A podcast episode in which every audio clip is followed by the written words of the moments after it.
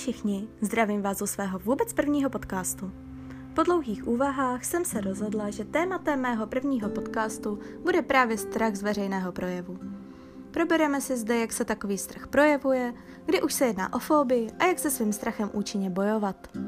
Ačkoliv byste si to možná neuvědomovali, strach z veřejného projevu patří mezi nejčastější sociální fobie. Tato fobie se u lidí vyskytuje mnohem častěji než třeba strach z pavouků, hadů či myší. Zajímavým faktem je také to, že lidé se bojí veřejného projevu mnohem víc než vlastní smrti. Jestliže se jedná pouze o strach z veřejného projevu, můžete pocitovat nepříjemné pocity v žaludku či dokonce zvýšené pocení. Tyto pocity ve většině případů přejdou v momentě, kdy se jedinec uklidní, či v momentě, kdy začne mluvit. Strach z veřejného projevu většinou pramení z vlastní nejistoty a strachu z neúspěchu což jedince přejde v momentě, kdy svůj úkol splní a příště už to pro něj bude trochu jednodušší. Pokud se však jedná o fobii, je tento problém mnohonásobně horší. Tato fobie se projevuje jak psychickými, tak i fyzickými symptomy. Někteří lidé pocitují třes, ve zvýšené míře se potí, zejména na dlaních, podpažích či na zádech. Jiní se spíše u sebe všimnou enormního zvýšení srdečního tepu, vyschnutí v ústech, slabá či třesoucí se kolena, koktání, žaludeční potíže a podobně.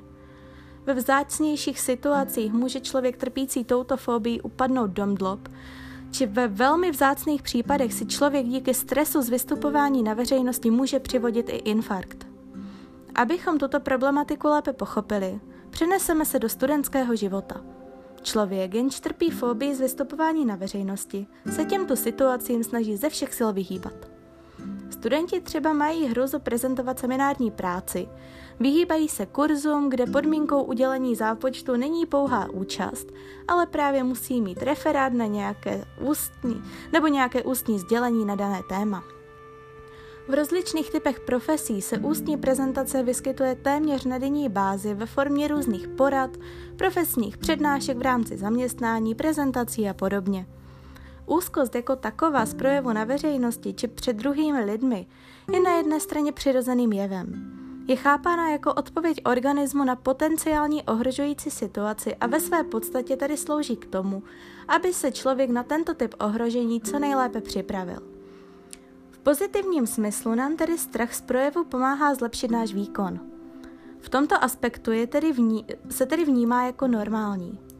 Když ale úzkost přeroste určitou hranici, stává se nezvladatelná, neproduktivní a nejenže nás výkon nelepší, ale naopak jej zhoršuje. Dobrou zprávou však je, že strach z projevu se dá redukovat a mnohdy i odstranit. Proto když člověk konkrétně ví, čeho se bojí, z čeho pociťuje strach či úzkost a potažmo jaké příznaky s tímto u něj projevují, Lépe se může na celou situaci připravit, ale tyto příznaky zvládnout či kontrolovat.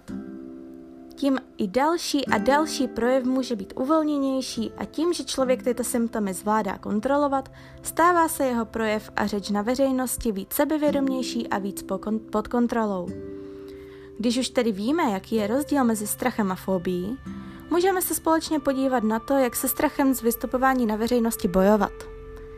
Nejprve je velmi důležité se na svůj výstup dobře připravit, protože díky důkladné přípravě získáte trochu jistoty, která vám pomůže k úspěšnému zvládnutí nelehké situace. Vykašlete se na kritiku. Jestliže máte z vystupování na veřejnosti strach, je velmi důležité, abyste si nepředstavovali kritické reakce, které na váš výstup mohou lidé mít.